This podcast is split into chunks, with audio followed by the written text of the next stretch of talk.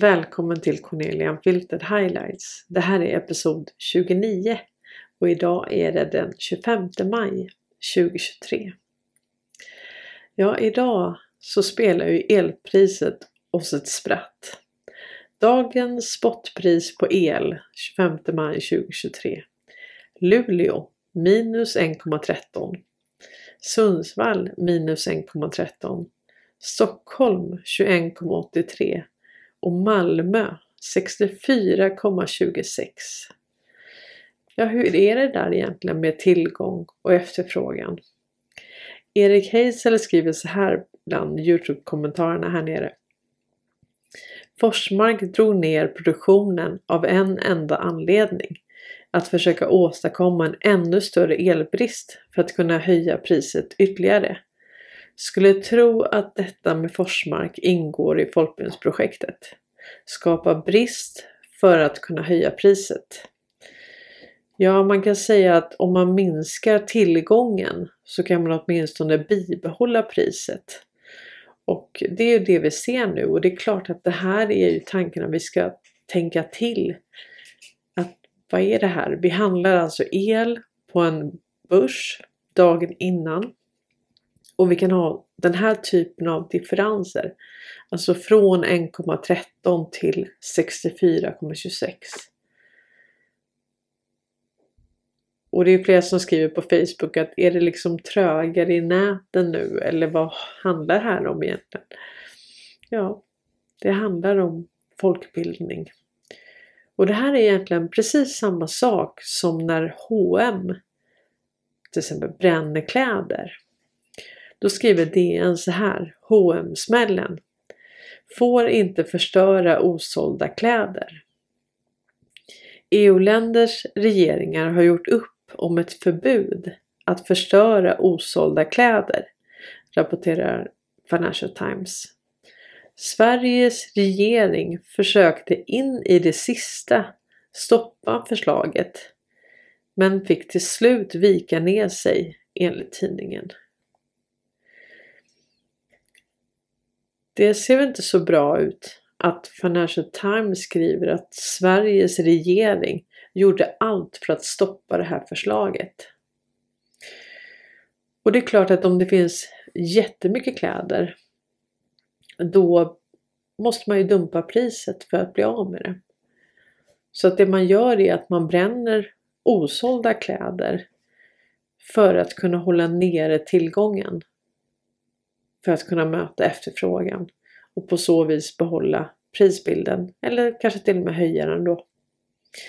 Och jag vet att det finns sådana här tjänster du vet man kan handla eh, nu vet, kommer inte ihåg vad de heter men du kan liksom sälja dina kläder och köpa dina kläder och det är rätt billigt. Du kan få en påse och så fyller du den med kläder och så skickar du in det. Och sen säljer de dem åt dig. Och mina barn, Desi till exempel, hon har ju då köpt flera gånger.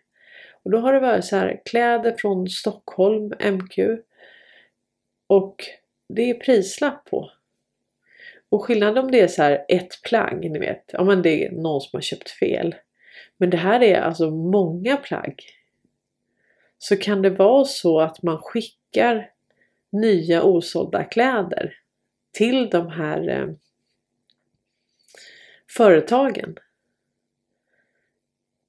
Är, är det en del av deras eh, verksamhet? Och så pratade jag med Emma i Frans och Stål och så sa hon, men varför kan man inte bara ge bort dem? Men tanken är ju att man måste ha ett underskott hela tiden. Annars kan du inte få ta betalt för dina varor helt enkelt.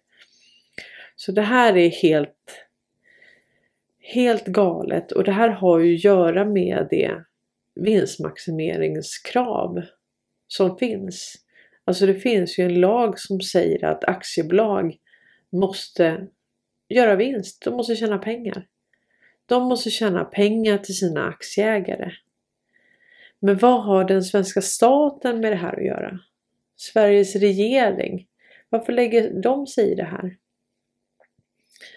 Vi har pratat om det att var börjar den svenska staten och var slutar de här företagsintressena? Och var börjar de här företagsintressena och var slutar den svenska staten? De är ju så helt integrerade i varandra. Jag menar, vi har alltså ett, ett statligt bolag, Vattenfall, riskerar miljardböter för prismanipulation. Det är alltså olagligt. Så vi har en, vi har en svensk stat som både lägger sig i H&M och att de ska få fortsätta bränna kläder så de kan vinstmaximera till sina aktieägare. För vem jobbar den där svenska staten nu igen? Och varför, varför lurar man? Varför manipulerar man priset på börsen? Mm. Och varför tillät man Saab? Varför fick de använda den svenska militären för att åka ner till, till Tyskland och ta tillbaka sina företagshemligheter som man hade sålt till Thyssen, Krupp. Då säljer man hela ubåtsverksamheten. Och sen så ångrar man sig. Och då får man alltså hjälp av den svenska staten. Och sen har vi den svenska staten som åker dit för att ha delägt 40% i Telia som får böter från det amerikanska justitiedepartementet för att man har korrumperat och dränerat andra länders statskasser. Och vi vet ju om här Gulinara Karimova som inte var mutbar. Nej. Så den här diktatorsdottern då. Hon var inte mutbar.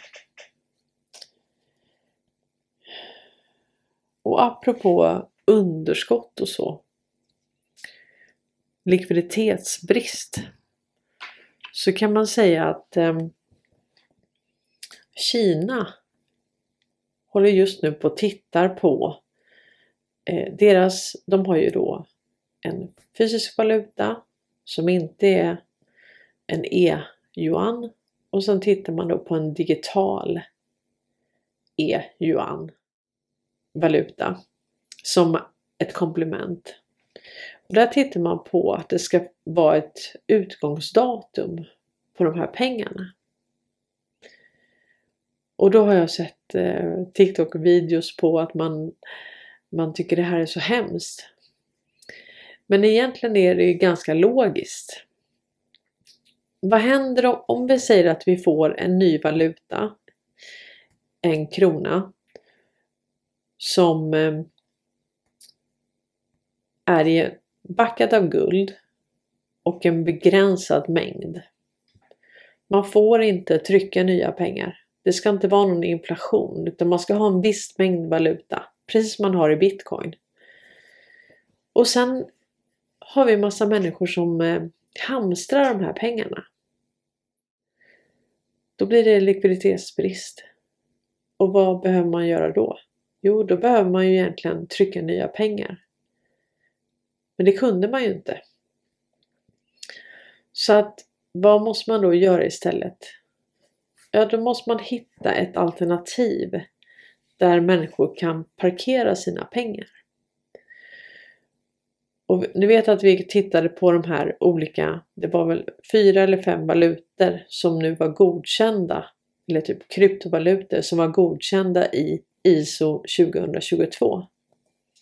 Och det skulle kunna bli så att man kan ha sina kronor och så säger man att de har en giltighetstid på ett år säger vi. Men om man inte vill använda dem under den tiden så skulle man kunna ha en parkeringsplats. Så att jag växlar in mina pengar till en annan valuta. Och sen när jag behöver den så kan jag växla tillbaka till kronor. Det gör ju att kronorna kommer hela tiden vara i omlopp. Och ingen kommer kunna sitta och hamstra på pengarna. Om man inte löser det på det viset så måste man fortsätta kunna trycka pengar. Och idag är det ju så att 99% av våra kronor är redan e-kronor. Det är digitala pengar. Långt mindre än 1 är fysiska pengar. Sedlar och mynt. Och nu idag så är det ju då de vinstmaximerande privata bankerna som utfärdar vårt gemensamma betalningsmedel när någon tar ett lån. Okej, okay. så om vi nu säger att det systemet ska upphöra och så ska vi istället ha en riksbank som är under folket. Och då ska vi föra över våra pengar till Riksbanken, till det här nya systemet. Men Riksbanken har ju idag inga e-kronor. Det enda de har det är de fysiska kronorna. Så i sånt fall måste man göra så att när man för över alla svenskars pengar till Riksbanken då måste man ju trycka så mycket sedlar. Om man nu inte vill ha en e-krona. Så då innebär det att då kommer inte vi kunna ha pengar på bankkonton och vi kommer inte kunna bara skicka över pengar till varandra utan då blir det att vi får gå med sedlar eller mynt till någon annan. Så då går vi i sånt fall från ett digitalt finansiellt system som vi har i Sverige idag till ett analogt system. Det vill säga bara kontanter. Och det säger sig självt att vi behöver ha en kombination av det. Det finns ingenting som säger att den här Riksbanks e-kronan att det kommer vara ett kontantlöst system. Det finns ingenting som säger heller att det bara är den valutan. Det här handlar ju om en valutakorg av olika valutor. Så det är omöjligt och inte ens eh, någonting som vi vill ha. Vi vill inte ha ett 100% analogt system. Vilket gör att när arbetsgivarna ska betala ut lön så får man göra det i ett kuvert. Så fungerar det i Turkiet idag. Där har man en avtalsenlig lön som är beskattningsbar och resterande får man ett kuvert. Och det här vet den turkiska staten om. De vet att det inte hela lönen är den som syns, som beskattas. Men det systemet har vi ju inte i Sverige. Här har vi 99% digitala pengar som redan idag är spårbara. Men eh, de fysiska sedlarna är ju inte spårbara. Och då tycker man ju att jag vill kunna gå och handla och ingen ska se att jag köper ett tuggummi. Ja. Och det är samma personer då som gladeligen har en smartphone i fickan. Precis som att den inte skulle vara geofensad då. Alltså vi har redan haft ett övervakningssamhälle. Vi har haft New World Order sedan andra världskriget. Alla de här överstatliga organisationerna, FN, WHO. Vi har inte kunnat äga sedan 1992. Det pratade jag om i avsnitt 50. Och frågan är ju vem som hanterar det. Vem är det idag som har samlat in all den här metadatan? Vem är det som har byggt AI? Vad har syftet varit? Ja, men syftet har ju hela tiden varit med allting runt omkring oss, allting som är samhällsbärande, allting som vi har behov av. Det har ju varit vinstmaximerande privata företagsintressen som har tjänat de pengarna på oss. Så allting vi behöver har någon annan haft som mål att tjäna pengar på. Och det är klart att med det syftet då blir ju teknik och AI, det blir ju livsfarligt. Allt beror på vem som håller i det. I sig är ju inte en telefon det värsta hotet. Däremot om den är geofensad, om den datan samlas in för att kunna skjuta in annonser till oss som gör att vi konsumerar mer eller att någon vill kontrollera vad vi tänker och vad vi känner och vad vi säger. Det är, det är den som håller i det. Det är det som avgör om det är bra eller dåligt. I sig så är det ju inte dåligt. Men det är klart, det är klorna på en maktgalning som bara vill tjäna pengar. Då är det ju livsfarligt. Men de som har varit i kontroll över det idag fram till nu eller fram till 2019. Det har ju varit galna, maktgalna personer som har använt det här för egen vinning på våran bekostnad. Så det mest läskiga ligger ju bakom oss. Det är ju det som vi redan haft utan att ha förstått det. Och där gör ju World Economic Forum och eh, Klaus Schwab de gör ju ett jättejobb i att få oss att förstå vad den här agendan har varit. Vad den är, vad målet är. Och det räcker ju att lyssna på Klaus Schwab i en halv sekund så vill man ju inte ha någonting med teknologi att göra. Men det är ju någonting som vi innan det här folkbildningsprojektet de flesta av oss har nog omfamnat det. Tror jag. I alla fall så har ju de flesta blivit beroende av tekniken och uppskattat tekniken många gånger. Sen är det klart att det är både positivt och negativt givetvis. Men eh, vi kan liksom inte ha de här företagsintressena som bränner kläder för att kunna ta mer betalt istället för att ge det till någon som verkligen behöver ett klädesplagg.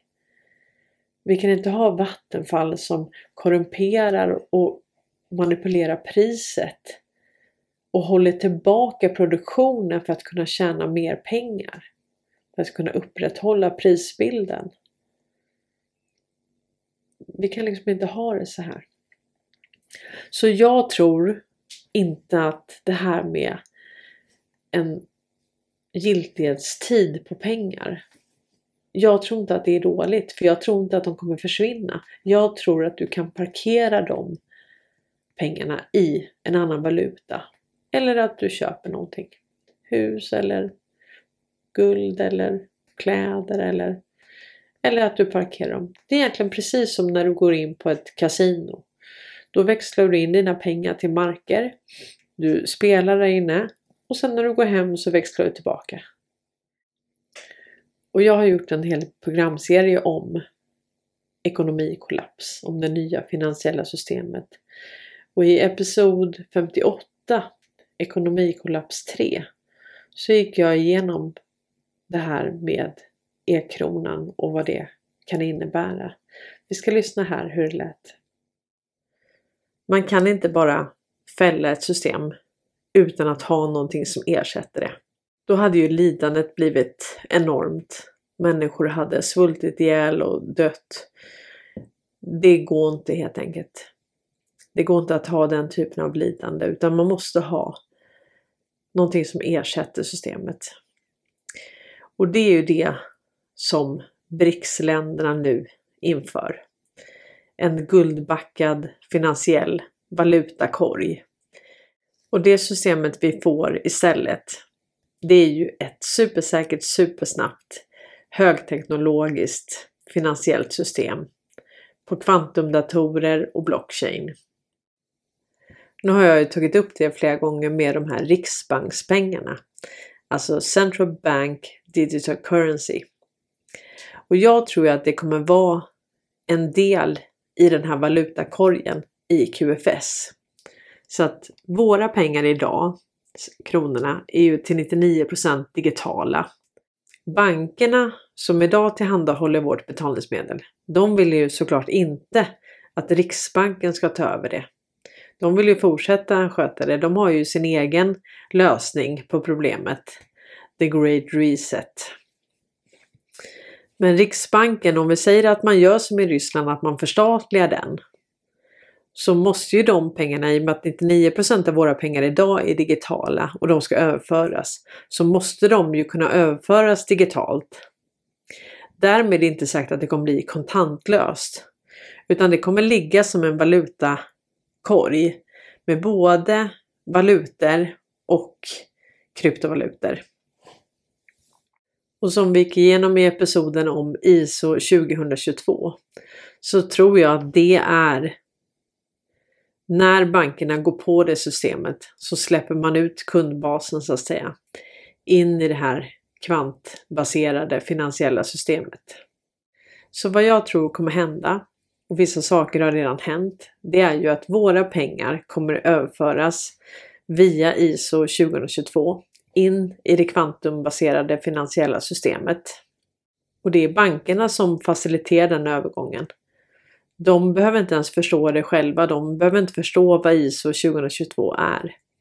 Att det är att släppa ut hela sin kundstock ut i det kvantumbaserade finansiella systemet. Och sen behöver ju våra pengar tillhandahållas, lån och så vidare, av Riksbanken. Och de ska ju inte ha ett vinstmaximeringskrav, utan de ska ju ligga under folket. Precis som det som händer nu i Ryssland.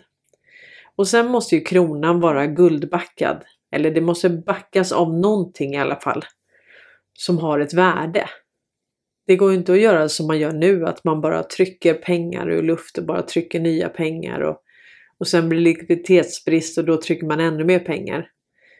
Alltså så här har vi hållit på sedan 50-talet. Det håller inte längre. Du kan inte bara trycka pengar i all evighet. För du måste ju betala räntan till slut. Om du inte ska avskriva skulderna. Så det blir en organiserad avskrivning så att säga. Så jag tror att den här övergången blir helt naturlig. För när man för över våra pengar så kommer vi ju in i det nya finansiella systemet. Men vad man inte kan ta med sig det är ju bankernas balansräkning.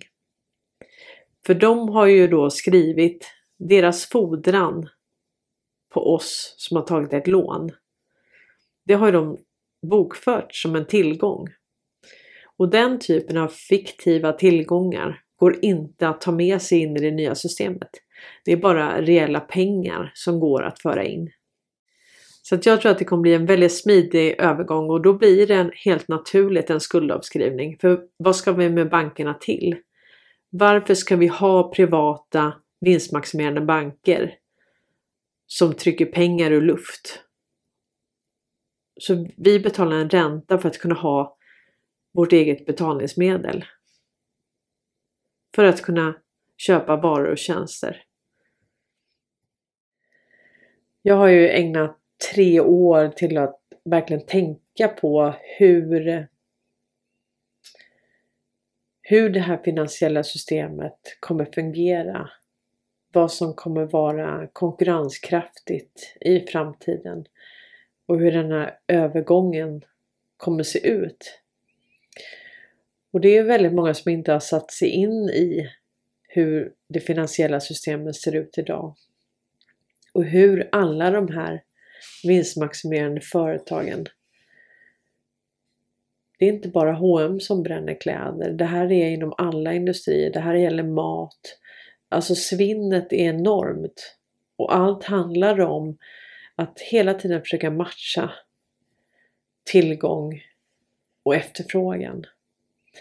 Och då gör man på det här viset. Det är alltså billigare för dem att elda upp någonting som är massproducerat än att sänka priset. Allt handlar om likviditet. Och eh, jag förstår att det här är vi har ju också en hel eh, både mainstream media och eh, altanmedia eller alternativ media pushar ju samma narrativ. Att det är hemskt med eh, e-krona och så. Men hur ska det fysiskt gå till då? Skriv jättegärna i kommentaren om ni har några andra tankar kring hur det här kan gå till. Hur kan våra pengar som är 99% digitala idag övergå till ett, till ett system i Riksbanken och vara helt analogt. Då innebär ju det att då har vi ju inga digitala pengar kvar. Då kan vi aldrig få in en lön på ett konto och överföra och betala utan då handlar ju, då får vi hantera kontanter för allt vi ska göra. Så om jag ska få lön så är det kontanter, om jag vill ge mina barn pengar så är det kontanter. Allting är kontanter. Och det finns ju fördelar med det också men det kan ju finnas väldigt många gånger då det inte är så bra att gå med en påse pengar liksom. Och det ska jag säga att de, vi har ju då fått se de här eh, nya dollar som kommer eh, i USA. Och de här kommer ju vara spårbara. Så du kommer ha fysiska pengar som är spårbara och sen kommer det ligga en backup i systemet. Vilket gör att vi kan egentligen aldrig stjäla andras pengar. För då kan du inte stjäla backupen. Men om jag ger dig mina pengar så ger jag mig backupen också. Vilket gör att det går inte bara att stjäla. Det går inte heller att finansiera terrorism eller krig eller, eller så. För att det här kravet eller förutsättningen för det här systemet är att det ska vara fred. Och det är därför vi ser den här avmilitariseringen. Det här slukhålet Ukraina är ju dit alla vapen går. Och jag tror ju, som vi har hört då, att de förstörs ju där. Vi ska inte ha alla de här vapnen. Det ska vara fred. Det är nya tider, det är multipolärt. Det säger ju till och med Wallenberg. Och, eh, och han säger också, Jakob Wallenberg sa ju också, som jag tog upp i förra avsnittet, eller förra, förra om att USA har jurisdiktion över hela världen. 70% av all världshandel har ju skett i dollar. Och det är ju så att nu vill ju inte Wallenberg och de åka dit, åka dit. Så att därför så ja, mutar man inte folk längre. För nu kan man åka dit. På individnivå. Så du kan inte längre gömma dig bakom företag och alla de här bulvanföretagen. Och vi fick ju den här nya lagen 2017. Verklig huvudman. Och eh, jag pratade med Stensö om det. Han sa egentlig huvudman och det är nästan bättre för verklig huvudman är ju det vi haft och det har ju också missbrukats. De har ju försökt komma undan där också. Men bakom det så har du den egentliga, egentliga huvudmannen. Och det är det som det egentligen är. Sen kanske att de lurar att det är en annan verklig huvudman. Ja, men den egentliga huvudmannen är det som är viktigt här. Och om man nu den egentliga och den verkliga huvudmannen kan bli dömd på individnivå så är ju det det är det som avskrä avskräcker nu enligt Jakob Wallenberg. Det är att man kan åka dit. Det är inte att man vill följa lagen eller så utan man kan åka dit och det vill man inte. Och det, det, det bottnar bland annat i att amerikanerna har infört ett system där de har eh, jurisdiktionen i USA gäller i hela världen. Det betyder att eh, amerikanerna kan, kan så fort du ah, jobbar med amerikanska dollar eller är börsnoterad i USA eller ditt företag är börsnoterat i USA så kan de åtala dig som individ. Det gör att du vågar inte begå en felaktighet någonstans ute i världen därför att du kan åka, åka dit i USA. Och det här har haft långtgående konsekvenser i att, att människor förstår att det går inte att hålla på med det här. Och det är som Johan just sa en helt grundläggande värdering hos oss. Mm. Det är helt oacceptabelt. Och det här har vi sett exempel på. Den 19 oktober 2022 så säger en expert på mutbrott att Ericssons VD riskerar fängelse i USA. Uppdrag granskning. USAs regering utlovar tuffare tag mot bolag som mutar. I synnerhet mot företag som brutit mot uppgörelser med amerikanska myndigheter. Ja men det har ju Ericsson gjort. Som svenska Ericsson står faktiskt här. VD Börje Ekholm riskerar åtal och fängelse enligt advokat och korruptionsexpert Peter Utterström. De har full möjlighet att ta en person till domstol. USAs biträdande justitieminister Lisa Monaco gjorde nyligen i ett tal klart att USAs regering nu siktar in sig på individer i bolagen för att utkräva ansvar.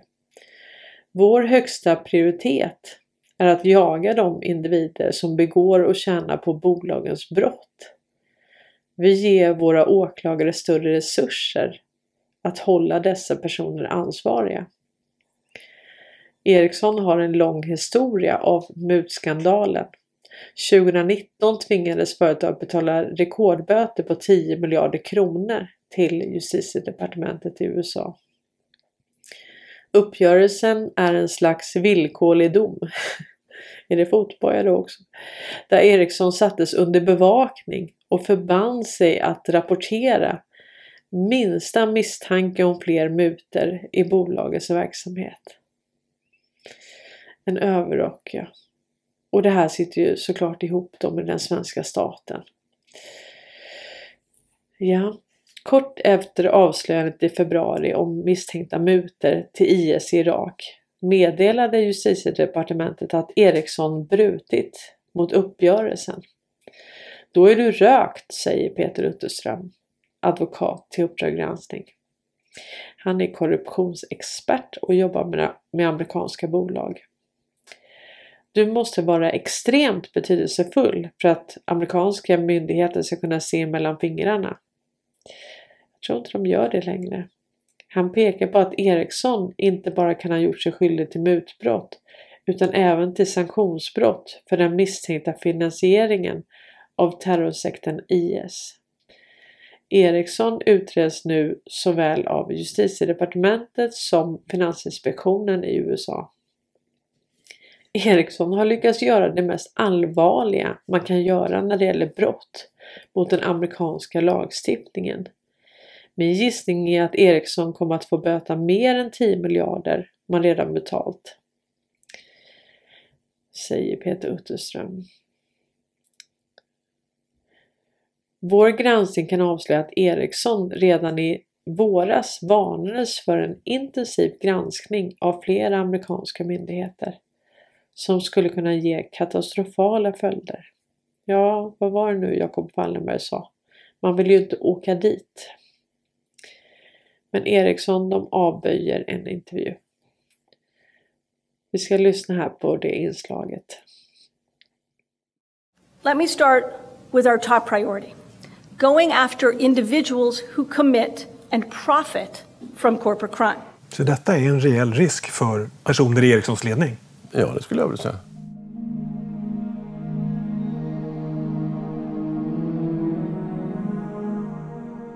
If any corporation still thinks criminal resolutions can be priced in to the cost of doing business, we have a message. Times have changed.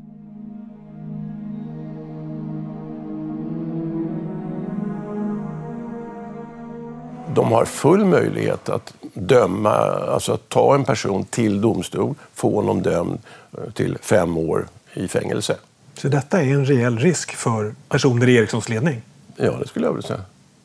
We're empowering companies to do the right thing. And we're empowering our prosecutors to hold those accountable who don't. Ja, vi får se hur det här artar sig. Vi får se. Jag är faktiskt orolig för hur eh, hur svensken kommer reagera på allt det här. Vi får nog gå lite varsamt fram. Det är liksom mycket information på en gång. Och det är mycket som är tvärtom. Tvärtom det narrativ som har pushats hela tiden. Och där gör vi tillsammans ett, ett jättejobb i den här stingoperationen. I det här jordens genom tiderna största militära stingoperationsbaserade folkbildningsprojektet. Det är ett informationskrig. Det är två sidor. Alla har inte samma mål. Och den andra sidan projicerar på oss vad de själva gör. Så är det hela tiden. Men vi håller linjen. Och vi kämpar på tillsammans. Tack så mycket att du har tittat. Tack att du gillar, kommenterar och delar den här informationen. Och tack för att ni stöttar den här kanalen. Jag har skaffat Patreon nu också för er som vill bli månadsgivare. Ha det fint nu allihopa! Hejdå!